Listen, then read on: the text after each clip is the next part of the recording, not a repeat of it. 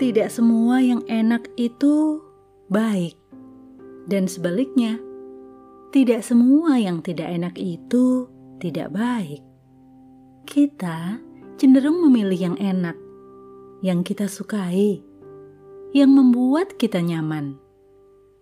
Padahal, kadang dari hal yang gak enak, yang menantang, yang sukar, justru yang membuat hidup kita lebih baik.